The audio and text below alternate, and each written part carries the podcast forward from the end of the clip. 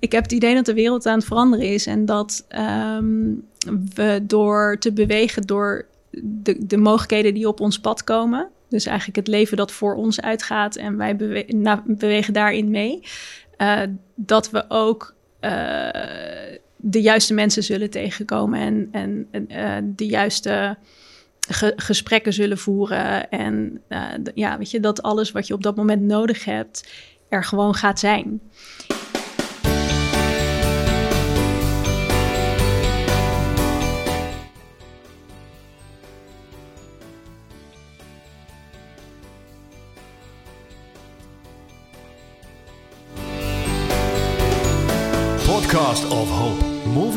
Towards happiness. Nou, leuk dat je er bent. Vind ik ook. Ja, en ik ook. Ja, ja, we gaan in gesprek over geluk. Is dat een onderwerp wat je veel bezighoudt in het dagelijks leven? Um, op filosofisch niveau denk ik niet zo. Oké. maar wel het feit dat het er voor mijn gevoel heel vaak is. En dat ik Oh, daar heel ja. dankbaar voor ben. Oké, je bent je bewust van het geluk, maar je bent niet aan het nadenken hoe je nou op zich gelukkig wordt of zo. Nee, ik ben me bewust van het feit dat ik al gelukkig ben. Dus ik hoef ook niet gelukkig te worden. En het is voor mij denk ik niet per se een streven om gelukkig te zijn. Nee, ook niet als je niet gelukkig was? Ik heb wel een periode gekend in mijn leven dat ik heel ongelukkig was. En toen wist ik niet hoe snel ik daaruit moest komen. Mhm. Ehm, en dat is denk ik ook eh, ja, een beetje de grap van de dualiteit, zeg maar, die in het leven aanwezig is. Want op het moment dat je dan uit dat diepe donkere dal bent, ehm, dan voelt alles beter dan dat. Dus dan is je baseline is in één keer snel heel gelukkig. Ja, precies. Ja, het werkt in contrast eigenlijk met Ja, elkaar. het heeft Ja. een heel groot contrast. En ik denk dat het niet alleen maar ook je weet dat alles vergankelijk is, dus ook dat dat weer overgaat. Dus zowel het, het ongeluk Mhm. wordt beter, dus gaat een keer over, als dat geluk ook niet een permanente staat van zijn is. Ik denk dat iedereen ook uitdagingen kan kennen in het leven. Dus Maar het werkt dan ook zodat hoe hè, hoger jouw geluksniveau dan is, hoe pijnlijker die da- dalen eigenlijk zijn. vind ik heel lastig om te zeggen, want eh, op, op dit moment, ik denk dat je dat pas kan zeggen op het moment dat je er middenin zit. Ja, ja nee, heel maar een beetje ervan uitgaande dat het inderdaad met contrasten werkt. En, Maar wat eh, wel is, dat je, ik denk dat iedereen heeft betere dagen en mindere dagen. Maar ik weet op het moment dat ik op een, in een mindere dag zit of ik heb ergens tegenslag in, dat dat ook weer overgaat. mhm. Uh, dus ik kan het ook zien als iets wat tijdelijk is. En daardoor voelt het voor mij soms gewoon als intens leven. uh, en niet als iets wat heel ongelukkig maakt. Ja, Ja, dus je bent er eigenlijk tev- ja, tevreden mee als je ongelukkig bent, misschien op die manier. Ik kan daar soms. Nou ja, ik kan wel genieten van als iets heel vervelend voelt. Daar kan Oh, ik oprecht van wel genieten. van genieten. Ja, ja. leer me alsjeblieft hoe. Ja, Ja, maar dat is denk ik iets wat ik echt heb geleerd door alle jaren heen. Juist, ja, omdat, omdat er momenten zijn geweest waarop voor mijn gevoel geluk er niet was. En als Mhm. ik er nu op terugkijk, zou ik niet eens kunnen aanwijzen precies wat er dan anders voelde of waar het dan anders in voelde.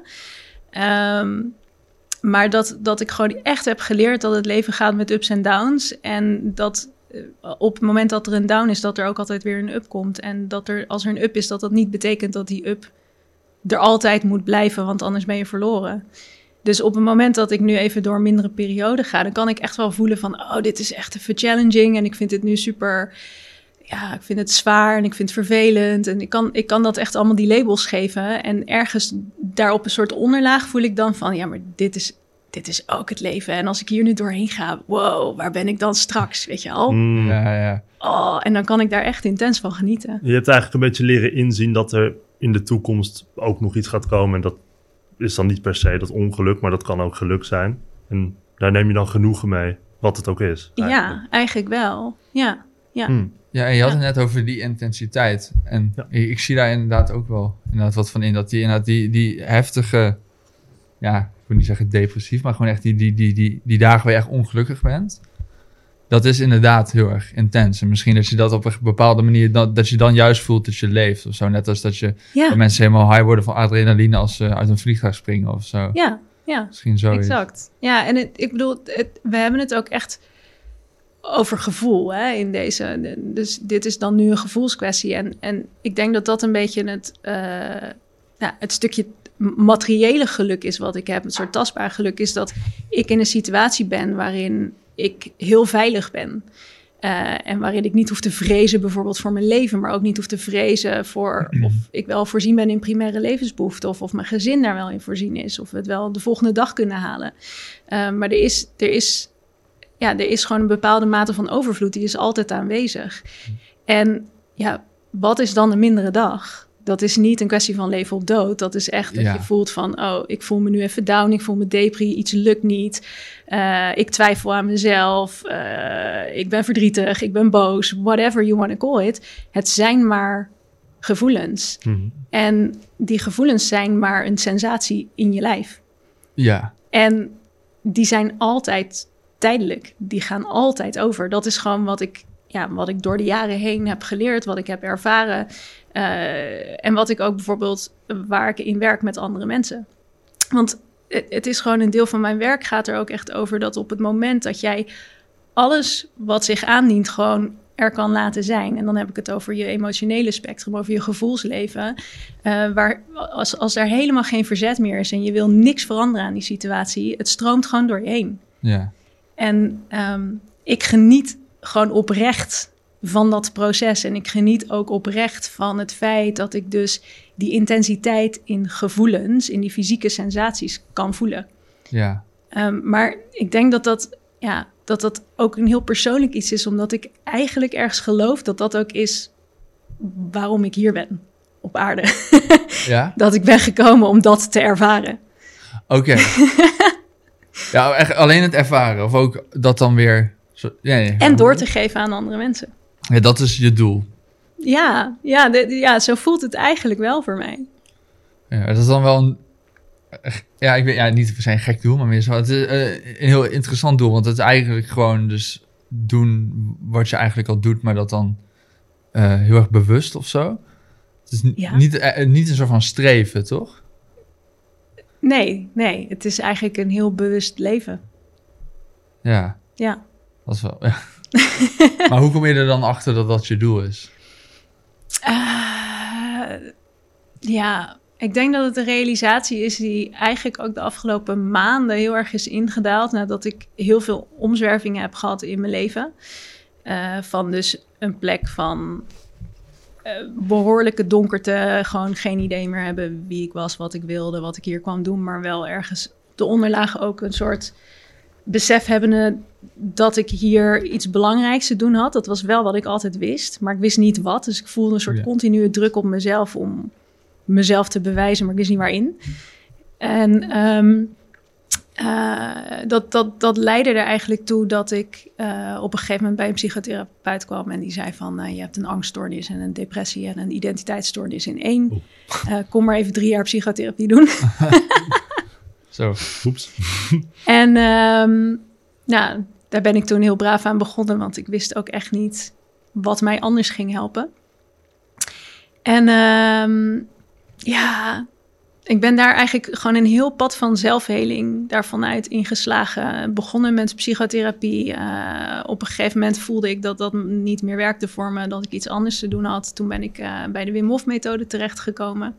Eh wordt nu bij de dia's ook een slide Ja. getoond waarin ik te zien ben op de top van de Kilimanjaro in een wereldrecordpoging met Wim.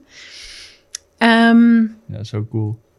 ja, Maar wat- wereldrecordpoging? Ja. En welk wereldrecord was dat dan? in, eh, in de snelste tijd ooit eh, in korte broek naar de top. Zo. Een korte broek? Ja, Lachen. Die gast heeft niet eens een Die heeft gewoon geen shirt aan. hè. Maar je eh, is niet gehaald? eh, wel gehaald. Oh, Ja, dus jullie hebben het wereldrecord. Dus je draagt gewoon het we- wereldrecord. ik geloof dat het jaar daarna er weer een Oh, nieuw wereldrecord is gezet. Maar eh, we hebben met onze groep wel een wereldrecord gezet toen. Het Ja. voelt gewoon als zo'n wereldrecord wat je dan haalt omdat niemand anders het heeft geprobeerd. En dat, ik denk dat dat wel een beetje waar is. Want normaal gesproken, eh, de, de protocollen die eigenlijk gelden, is dat je in, ik geloof, drie dagen naar de top van de Kilimanjaro kan. En Wim wilde het in twee dagen doen. Maar daar wordt dus van gezegd van ja, dat, dat kan niet. Want de mens kan dat fysiologisch gezien niet, omdat je eh acclimatisatietijd nodig hebt. Dus je moet op bepaalde momenten Oh ja. op de berg moet je pauzeren om je lijf eh, te laten acclimatiseren. ja. En als je dat niet doet, dan eh, ja, kan dat wel heel gevaarlijk zijn. Maar Wim die beweerde, ja, maar met mijn methode Ja. kan dat wel gewoon. dus ja, hij is denk ik een van de weinigen ook die het heeft geprobeerd om dat te doen. Ja. Maar, eh, Ja, dat, dat heeft is ook ook een En reden. wel ballen. Ja, ja, absoluut. Maar dat is wel een beetje zijn ding volgens mij. Ja. dit, dit kun je niet doen, maar hij kan het wel. Ja, maar hij wilde ook dus heel erg laten zien dat niet alleen hij het kon. Da dat is de reden Ja. dat hij een hele groep mensen meeneemt. Als je hier naar de foto kijkt, we waren met een groep van volgens mij 15 mensen of zo. Eh, waarvan ook niet iedereen atleten was of zo. Was ik zelf ook niet. Maar er zaten ook mensen bij die bijvoorbeeld eh, ziek waren. En die in een, in een herstel zaten van een bepaalde ziekte. En die ook mee konden lopen. Dus ehm, En hoe heeft zijn methode daar dan bij geholpen om die acclimatisatie over te slaan en zo? Eh, hij leert je eigenlijk hoe je je ademhaling kan gebruiken om heel snel veel meer rode bloedlichaampjes aan te maken. Hmm. Dat is waar die acclimatisatie voor is. Hmm. Omdat je lichaam heeft meer rode bloedlichaampjes nodig om meer zuurstof Ja. te kunnen vasthouden. Oh, ja, ja. Hmm. En je lichaam past zich daaraan aan, maar geleidelijk dus. Ehm, maar met zijn ademtechniek geef je je lijf blijkbaar een soort push, waardoor die veel sneller die rode bloedlichaampjes aan gaat maken. Gaaf. Ja, ja. Ja, ik heb ook wel eens een video van hem gezien dat, dat hij in een ziekenhuis, dat, dat ze een virus of zo bij iemand hebben toegediend. Eh, en dat dat bij hem gewoon niet werkte, dankzij zijn methode of zo. Ik, ik weet niet of ik dat helemaal goed zeg. Ja, maar- het is een onderzoek wat ze hadden gedaan met een groep eh, mensen eh, die hij had getraind. Mhm. En dat waren mensen die dus ook daarvoor geen ervaring hadden met zijn methodiek. ja. Maar die hij specifiek voor dat onderzoek had getraind. En die kregen inderdaad een soort een bestanddeel van een virus ingespoten... waar mensen normaal gesproken heel ziek van worden. Mhm. Maar die groep mensen werd niet heel ziek daarvan. Dus ja, Bijzonder. ja, dat is echt cool. ja, ja. Maar goed, j- jij was aan het vertellen, eh, een, een duister gedeelte van je leven het, eh, via ps- psychotherapie. En uiteindelijk kwam je hier uit bij, bij, de, bij de Wim Hof methode, als het ware. Eh, was het, heeft dat je toen geholpen of was dat slechts een onderdeel van je Eh, het heeft me geholpen om weer een beetje licht, het licht te kunnen zien in dingen. Maar Mhm. ik voelde ook wel dat ik nog veel werk had aan mezelf, dat ik nog veel te doen had. En toen ben ik eigenlijk gewoon vrij intuïtief ben ik een pad gaan bewandelen van zelfheling. Zo, zo kan ik het denk ik als ik erop terugkijk noemen. Mhm. Daar dacht ik toen niet bij na van dit is het pad wat ik moet bewandelen. Maar nu ik terugkijk, denk ik, ja, alles wat ik daarin ging doen, bracht me dus echt heel duidelijk naar waar ik nu sta. Ehm, ik ben toen een vierjarige yogaopleiding gaan doen, een meditatieve yogaopleiding die heel erg gericht is op ehm, meditatie en meer eh, energie, energiewerk. Eh, niet zoveel te doen heeft met houdingen, zoals veel mensen yoga kennen. Hmm. Uh, maar echt ja, de reis naar binnen en de aanwezigheid in je lichaam en het voelen. Uh, maar toen kwam ik er zelfs met de yoga achter van ja, maar ik, ik ben gewoon helemaal niet veilig in mijn lichaam. Het is alsof ik zeg maar alleen een bovenkant heb en mijn benen ontbreken en ik kan mijn voeten niet voelen. Toen ben ik vanuit daar ben ik uh, bij een haptotherapeut gegaan die mij uh, ja, eigenlijk heeft meegenomen naar de plekken dieper gelegen in mijn lichaam, zodat ik daar weer mee kon verbinden. Um, uh, ik, ik, ben heel veel uh, healings gaan doen bij mensen die op mijn pad kwamen, die meer met uh, energetisch healing, healingwerk werkten. Ik heb op een gegeven moment heb ik een um, hele toffe coach in de arm genomen, een particuliere coach die, ja, zij, zij was eigenlijk relatietherapeut, maar ik ben gewoon in mijn eentje naar haar toe gegaan, want ik voelde ik moet bij haar zijn. En um, zij heeft me van alles verteld in zeven sessies dat ik bij haar op de bank heb gezeten. Maar het enige wat ik de hele tijd heb gevoeld terwijl ik daar was, was: dit is wat liefde is. Hmm. Zij liet mij gewoon voelen wat liefde was. En toen dacht ik: oh, maar wacht even, dat heb ik ook in mezelf. Ja. En het was alsof ze me gewoon, ja, op, niet eens bewust, want zij, zij, zij weet het waarschijnlijk niet eens dat ik dit nu aan het vertellen ben. Denkt ze waarschijnlijk van, huh? oh, dat is me helemaal niet bewust Nou, van. voor mij? Ja, precies. Maar het was echt alsof, alsof te- terwijl ik daar zat in die zeven sessies, alsof er een soort deur naar mijn hart werd opengezet. En ik in één keer begreep wat liefde was en hoe ik liefde kon geven, maar ook hoe ik liefde kon ontvangen. En ehm, nou ja, ik, ik ben vanuit daar ben ik op een punt gekomen dat, eh, dat ik eigenlijk ook werd uitgenodigd om ehm, door het leven, zeg maar, werd uitgenodigd om eh, met de Wim Hof methode, waar ik inmiddels instructeur in geworden was, om daar workshops in te gaan geven Hmm. aan groepen vrouwen. Eh, waar ik dan mijn eigen vorm van, van, eh, ja, van, van, van de workshop had gecreëerd, die echt helemaal ging over zijn met het oncomfortabele en ehm, juist daarin de comfort vinden. Hm. Ehm, en toen heb ik echt eh, twee jaar lang, bijna drie jaar lang, heb ik eh, wekelijks, of nee, maandelijks heb ik eh, vrouwen in mijn ijsbad gehad. En vanuit eigenlijk die, eh, ja, vanuit daar kreeg ik de vraag of ik ook mensen coachte. En toen dacht ik gewoon op een gegeven moment, nou, dat spreekt me eigenlijk wel aan. Eh, ik heb het nooit eerder gedaan, maar als jullie dat niet erg vinden, ik ben er ook niet voor opgeleid, wil ik wel gewoon kijken wat, wat dit kan doen. Ja. Dan ben ik dus met mensen eh, één op één gaan werken, naast de groepen die ik begeleide. En ehm, eh, eigenlijk, ja, om een lang verhaal daarin kort te maken, was dat ik op een gegeven moment in mijn sessies, eh, wat gewoon praatsessies waren, waarin mensen mij een probleem voorlegden en dan gingen we daar gewoon over sparren, een stem hoorde die zei: stop met praten, stop met praten. En in het eerste geval, in, in- het begin duwde ik die stem weg en dacht ik, nou, ik weet niet hoor, ik vind het maar raar. Misschien haal ik, wat haal ik me nu weer in mijn hoofd? Ik praat gewoon door. Maar het, het bleef terugkomen. En op een gegeven moment ben ik gewoon naar die stem gaan luisteren. lu- luisteren. En wat er gebeurde was ehm, dat ik erachter kwam dat als ik niks zei, maar gewoon ging luisteren naar die stem die zei dat ik de stilte in moest, dat mensen een hele transformatie doormaakten. Die ik ook niet kon uitleggen, want ik had geen idee eigenlijk wat er gebeurde. Maar ehm, het was alsof alle donkere deeltjes die mensen soms in zich kunnen hebben, eruit werden getrild. En ehm, toen begon ik heel langzaam te begrijpen van het werk wat ik deed met het ijsbad, waarin je eigenlijk mensen in de meest oncomfortabele positie ever zet. Ja. Uh, want de meeste mensen kunnen wel vanuit uitgaan, die vinden kou gewoon echt heel oncomfortabel. En ook fysiologisch gezien, je lichaam gaat gewoon zeggen, slecht idee, Ja. ga eruit. Ja. Om jou te beschermen. En, ehm, wat, en ik trok ook echt mensen aan die, weet je wel, sommige mensen die, die gingen naar Wim Hof echt vanuit het idee van dit is cool en adrenaline en dat gaan we doen. Maar ik trok juist mensen aan die zich eigenlijk heel kwetsbaar voelden en het heel spannend vonden om in een ijsbad te gaan. Maar dachten, Ja. maar bij haar durf ik het wel, omdat, omdat ik ook een bepaalde zachte kant vertegenwoordigde. Ja, ja. Ehm, Maar er zaten dus af en toe mensen in mijn bad die gewoon in de diepste angst zaten Ja. in dat bad. En elke keer moest ik, want dat had ik ook heel erg tijdens mijn haptotherapie geleerd, om daar in mijn eigen centrum te bewaren en niet mee te gaan in hun angst of iets te proberen fixen, maar gewoon te blijven zitten in mijn centrum, zodat zij ook meegetrokken werden in die energie van, Ja, ja. van, van, van eh, stabiliteit, zeg maar, daarin Van baken. als, als een soort anker bijna, Ja. zou ik kunnen zeggen. En ehm, toen besefte ik me dus in mijn één op één sessies van ja, maar datgene wat ik doe met het ijsbad, waarin ik dus gewoon de volledige neutraliteit vind in de oncomfortabelheid, dat is ook wat ik doe zonder dat ijsbad. Want als mensen naar al die donkere delen in zichzelf bewegen, de plekken die ze eigenlijk niet durven zien, waar ze eigenlijk bang voor zijn. Ehm, en dat is niet alleen de angst voor wat je gaat zien, maar ook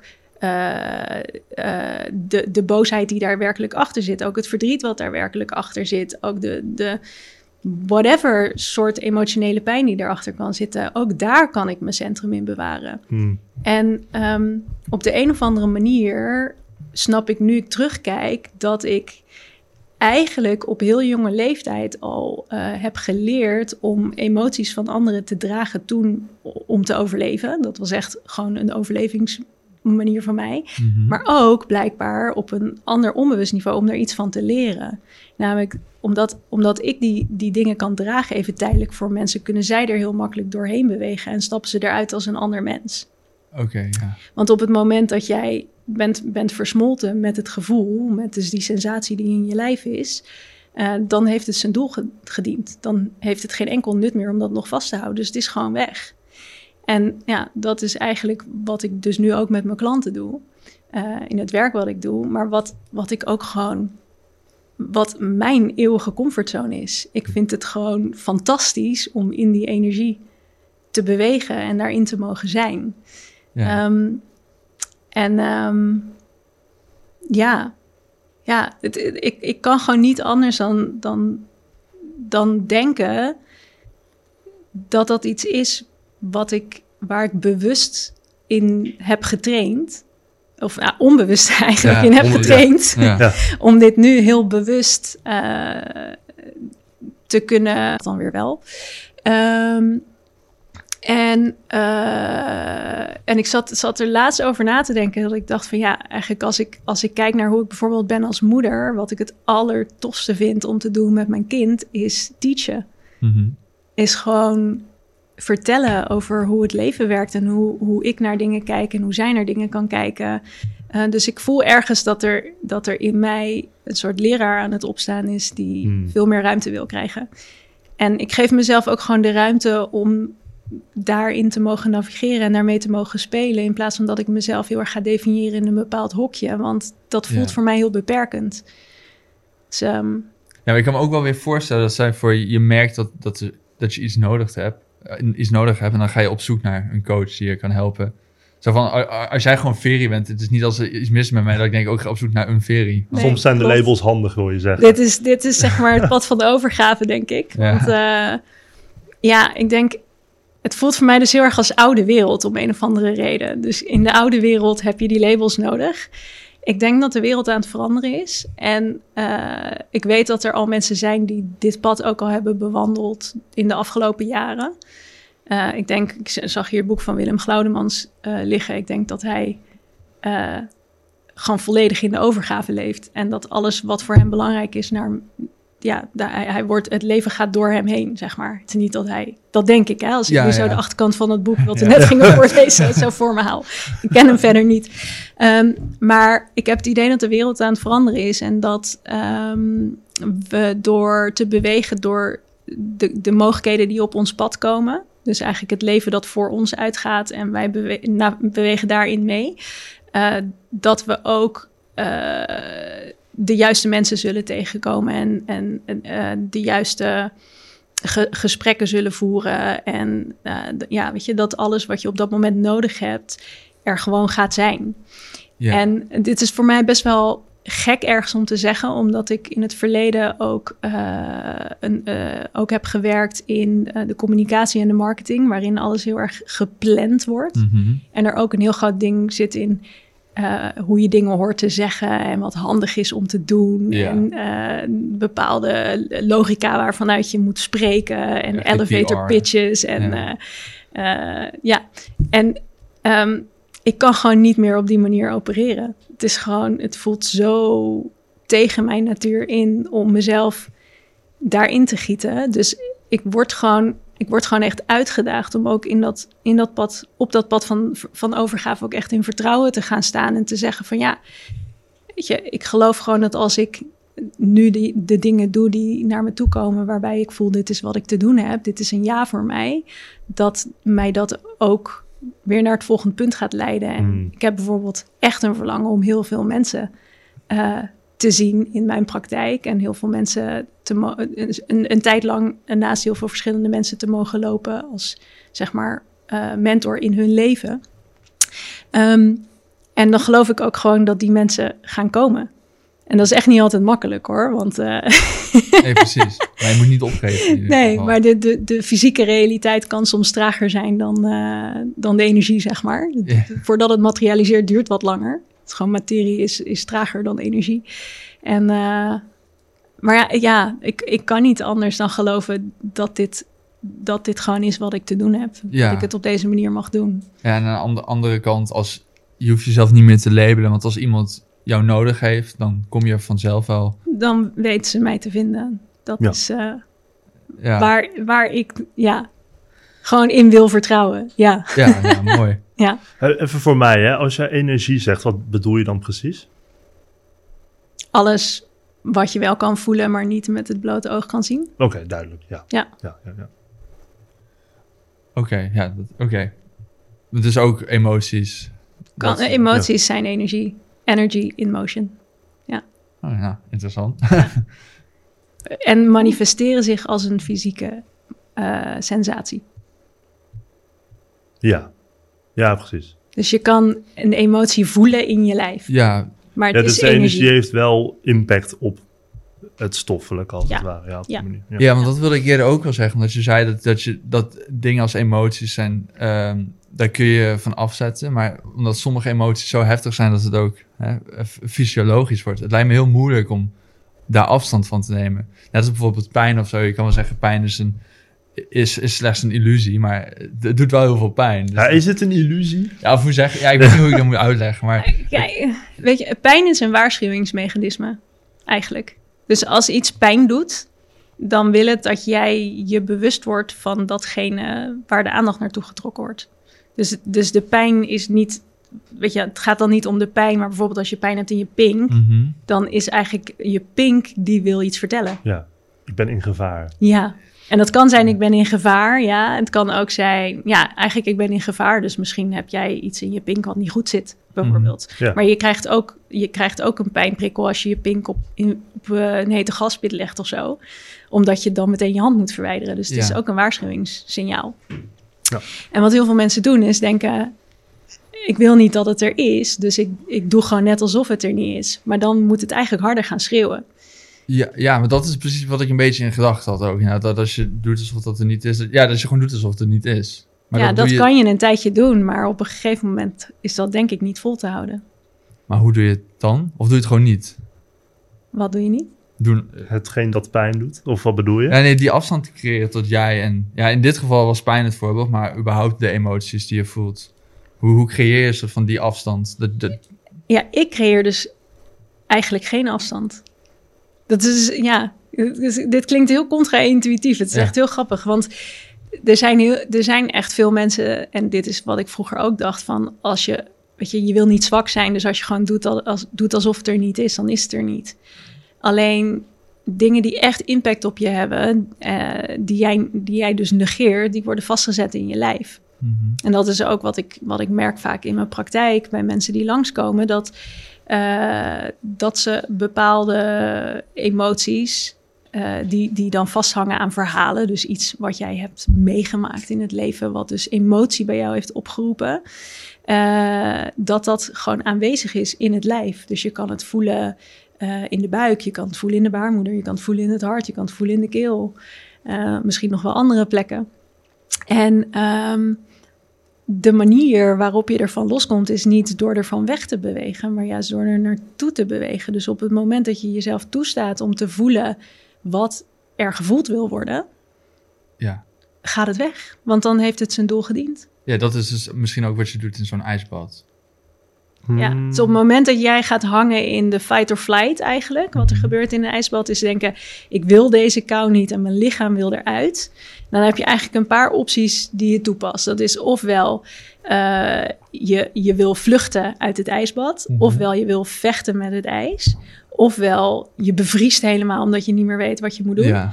Ehm, of je gaat dissociëren, wat ook een manier van vluchten is. Dus je bent wel in het ijs, maar je bent niet meer in je lijf.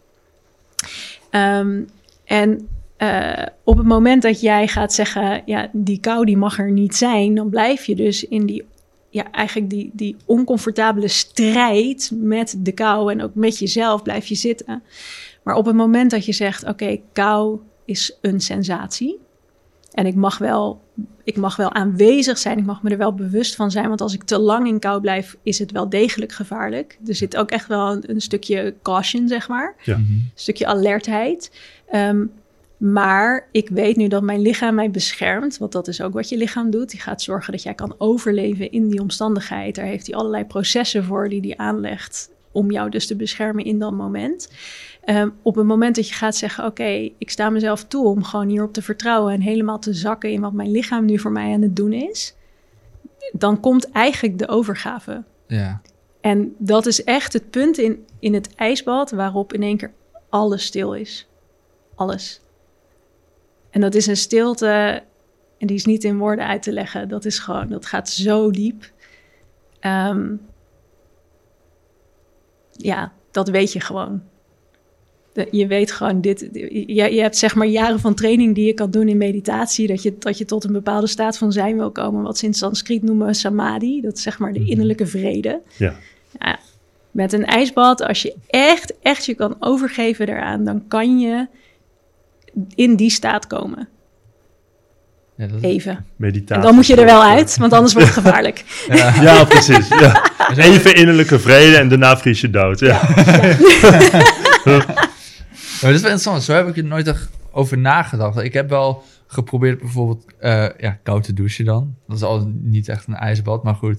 Dan sta ik wel helemaal zo Ja. onder de douche. En dan, Steeds oncomfortabel ja, en dan eh, even snel en dan ben ik er... En dan ben ik eruit en dan voel ik me op zich wel lekker. Maar dat, dat, dat, dat je alles hebt losgelaten en zo vredig, ja, daar, ben, daar ben ik eigenlijk nooit Nee, ik geweest. moet, ik moet wel zeggen, onder de douche is dat moeilijker Ja. dan in een ijsbad. Omdat dat water continu in beweging is. Dus je hebt elke Oh. keer weer opnieuw dat je door dat Ja. discomfort heen moet, Ja. zeg maar. Ja, ja, ja. En in een ijsbad, wat er gebeurt, is dat je heel erg ook in je innerlijke bubbel kan zitten. Waarin je echt gewoon even helemaal kan verbinden met je lijf, met je innerlijke zelf, noem het maar eventjes. Een soort innerlijk punt van stilte. En ja, dat is gewoon veel toegankelijker.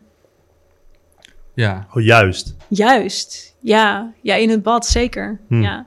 Ja, ik, ik moet zeggen, ik heb jarenlang eh, eh, koud gedoucht en, eh, en ijsbaden gedaan. Maar ik ga echt veel liever in een ijsbad dan dat ik onder een koude douche ga staan. Dat had ik niet verwacht eigenlijk. Want ik doe, ik doe alleen het douchen, het koude douchen. Maar het ijsbad heb ik nog nooit geprobeerd eigenlijk. Ja, wordt de, wordt de volgende challenge. Ik wil het wel doen inderdaad. Dat lijkt me wel echt tof, ja. ja maar heeft iedereen, zou iedereen dat kunnen doen? Een ijsbad? Makkie. Iedereen die in gezonde staat verkeert, Oh ja. zou ik zeggen. Er zijn contra-indicaties en er zijn een aantal, aantal eh, ja, medische indicaties waarmee je het beter helemaal niet kan doen. Maar het zijn er niet veel. Dus echt heel veel mensen kunnen het doen. Ja. Ja, Ja, en ik zeg ook wel eigenlijk altijd boven de 18 jaar. Kinderen kunnen het supergoed. Maar het is gewoon belangrijk dat het van het kind zelf uitgaat en niet van de ouders. Ja. ja. dat kan ik me heel goed voorstellen, ja. Denk je ook dat het eh, voordelen heeft voor iedereen? Of is er een groep mensen die het beter eigenlijk, ja, die het niet hoeft te doen? Daar is het geen goed idee. Ik denk, eh, ik denk sowieso dat het heel lastig is om in absolute te praten überhaupt ja, in dat, het leven. dat is zo. Ehm, maar het, zeg maar, algemeen durf ik wel te zeggen dat het voor iedereen voordelen kan hebben. Maar er zijn zeker uitzonderingen. Ja. Ehm, en eh, ja, ik zou ook zeker zeggen, weet je, op, op het moment dat je, eh, dat je juist geneigd bent om heel streng te zijn voor jezelf en heel graag wil dat dingen lukken en ehm, ja, ja, gewoon echt hard bent voor jezelf en je wil meer naar de zachte kant bewegen, dan weet ik niet of het altijd handig is om met een ijsbad te werken. En ja. zeker niet eh, onder bijvoorbeeld een wat meer eh, mannelijke eh, adrenaline gestuurde begeleiding. Ja, Ja, want ik zie het ben ik gewoon als een eerlijk in. discipline dingetje. Ja, Dat, zo Ja. zag ik altijd het Ja. ijsbad. En dat kan het ook zijn.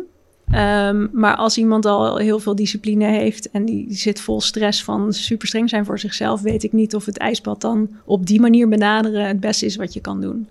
ja, dat kan ik me voorstellen. Ja. Ja. Maar wat, wat moet je dan doen? Of misschien wat groter, hoe weet je überhaupt dat, dat, dat je in zo'n situatie zit dat je ehm, daar wat aan moet doen? Dus bijvoorbeeld, hè, dat, ja, ik, ik weet, jij komt Mhm. op, je pot, op je pad als je verie nodig hebt, maar hoe, hoe weet je dat je, dat je iets nodig hebt? Dat je, dat je zo'n onderliggend probleem hebt? Ik, ik, ik denk dat je heel eerlijk dat je dat gewoon weet van Mhm. jezelf. Als je ook durft te luisteren naar misschien de dingen die je oncomfortabel vindt. Dus niet alleen maar luistert naar. Bijvoorbeeld, eh, om even het voorbeeld aan te stippen van, weet je, ik dacht op een gegeven moment toen eh, ik met Wim Hof in aanraking kwam voor de eerste keer, eh, had ik juist heel erg de overtuiging dat ik zachter moest zijn voor mezelf en dat dat met Wim niet zou gaan werken. Mhm. En eh, toch was er een stemmetje in mij die zei: Ja, maar dit gaat echt heel goed voor jou zijn. Ga het nou maar gewoon doen. Take a leap of faith, zeg maar. Ja. En ik had tot dan toe altijd in mijn leven had ik geluisterd naar dit stemmetje uit mijn hoofd. Mhm. Dus echt de mind Ja. die, die het overnam. En nu voelde ik echt van ja, maar wacht. Ik heb dat altijd gedaan en het, eigenlijk heeft het niet voor me gewerkt. Wat als ik het nu eens anders ga doen? En ik ga toch luisteren naar die innerlijke stem. En ik, ik ja, ik denk ook dat dat de reden is waarom dit voor mij een soort sneltreinvaart mijn hele innerlijke proces heeft aangeslingerd. Omdat ik eindelijk een keertje luisterde naar mijn eigen intuïtie en wat er voor mij werkelijk belangrijk was, in plaats van naar alle verhalen die ik mezelf vertelde. Ja. En ehm, ja, dat, dat is eigenlijk wat ik wel iedereen eh, zou willen. ehm, ja, waar ik iedereen eigenlijk toe zou willen uitnodigen. Om gewoon te durven vertrouwen op die. eh, ja, eigenlijk die kant van jezelf. En ja, hoe, hoe moet je het noemen? Is het intuïtie? Is het gevoel? Is het innerlijke stem? Ik denk dat iedereen daar ook weer andere woorden aan geeft. En dat is misschien niet zo relevant ook hoe je het noemt. Maar je weet, je weet wel als er, Ja. als er iets belangrijk is waar je naar luistert. Dat je daar naar luistert, zeg maar. En, ehm, ja, en sommige mensen die kunnen daar niet naar luisteren. En die maken een heel ander proces door. Maar die komen dan per ongeluk of per toeval of per lot komen Ja. ze uiteindelijk ook eh, bij de dingen terecht die belangrijk voor ze zijn. Ja. Nou, dat is in ieder geval wel geruststellend. Dat- Ja. dat en sommige mensen ook nooit, hè? Oh, dat, Dat is minder geruststellend. Ja, oh. Ja, maar dit, dat is zo grappig, want ik, ik werk dus ook veel met... ehm, en het is niet, niet om, om nu een soort heel pessimistisch, eh, eh, eh, hoe noem je dat, beeld te scheppen. Maar ik, ik werk ook veel met mensen die eh, opstellingen begeleiden. En je kan in opstellingen, dus in de energie natuurlijk, van een ander persoon gaan staan. En ik heb al wel eens meegemaakt dat, dat er dan, zeg maar, tegelijkertijd van de persoon die je representeert, de, de aardse zelf en de hogere zelf tegelijkertijd in staan. En ik geloof dus echt dat mensen ook een aardse zelf en een hogere zelf hebben. Dat Mhm. eigenlijk de aardse is wat je nu beleeft, zeg maar, in Ja. de aardse 3D-realiteit. En de hogere zelf, die kan het meer overzien. En die weet ook wat de ziel wil leren hier. Is dat die intuïtie? Ehm, ja, dat, dat staat in ver, ver- verband, verband, ja. met je intuïtie. Ja, Ja. Zo, kan- kan- zo durf ik het wel te noemen, ja. Ehm, en die hogere zelf, die weet dus eigenlijk ook de les die jij in dit leven wil leren. En dat ik dus bijvoorbeeld iemands moeder representeerde. En die moeder, die zat helemaal eh, in de greppel en trok allemaal moeilijke situaties aan. En eh, was ziek en weet ik veel. En haar dochter vond dat allemaal heel ingewikkeld. En toen zei haar hogere zelf zei tegen mij: Ja, maar dit is wat ik wil ervaren in dit leven, dus laat me nou. Hmm. En dat is ja, eigenlijk precies ook wat, wat mijn vader eh, op een bepaald niveau ook heeft verkozen. Dus ik stond in die situatie en dacht: Ja, dit herken ik echt volledig. Ehm, omdat ook zeg maar ongeluk kunnen ervaren kan een zielsverlangen zijn. Dus kunnen ervaren dat dingen juist niet werken, dat er donkerte bestaat, dat het Hmm. complex is, dat het pff, zwaar is, dat kan een zielsverlangen zijn. Maar het is dus wel belangrijk dat je naar die hogere zelf luistert. Ook als je je aardse zelf het er niet helemaal Het maakt is. nou, nee, het is niet per se belangrijk, want je leeft je leven toch wel, maar het maakt het makkelijker. Het maakt het lichter. Want Hmm. stel nou, weet je, jij, jij, weet ik veel, nou niet jij, maar een persoon heeft ervoor gekozen om heel veel tegenspoed te ervaren in het leven. En die weet van zichzelf, ja, maar dit is wat ik wil. Weet je, als je dat voelt in dimensionele lagen, dan is eigenlijk de 3D die is aan het creperen, zeg maar, de aardse realiteit. En de hogere zelf die lacht zich kapot en die denkt, yes, eindelijk, hier heb ik zo lang op Ja. gewacht. Als je dat weet van jezelf, dan wordt het hier aanwezig zijn in, in die donkerte wordt ook minder zwaar. Ja, En soms denk ik ook, ja, misschien is het allemaal gewoon verzinsel wat we met z'n allen hebben bedacht. Wie zegt dat het waar is?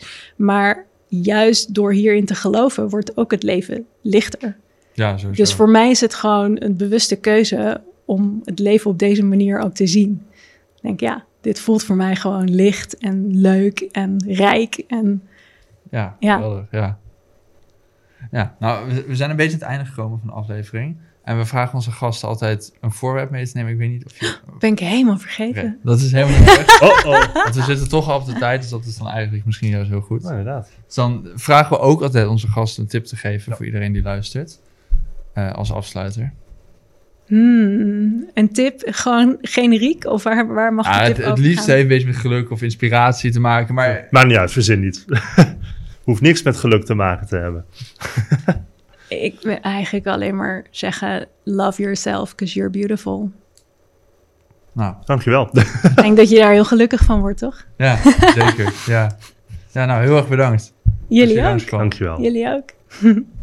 Bedankt voor het kijken of luisteren naar deze aflevering van de Podcast of Hope. We hopen dat je ervan hebt genoten of misschien wel geïnspireerd door bent geraakt. Iedere zondag om 10 uur komt er een nieuwe aflevering online op YouTube, Spotify en op al je andere favoriete podcast apps. Ook kun je ons vinden op www.podcastofhope.nl. Tot ziens en veel geluk. De wereld waarin we leven biedt nog geen gelijke kansen. Voldoende eten en drinken. Een adequate opleiding. Goede gezondheidszorg. Vrede en geluk is niet voor iedereen weggelegd. Maar stap voor stap wordt het beter. En zijn we op weg naar een octopische samenleving waarin iedereen zijn of haar leven als goed kan beschouwen. Het is een lange reis, maar we zijn op weg. Podcast of Hope. Moving towards happiness.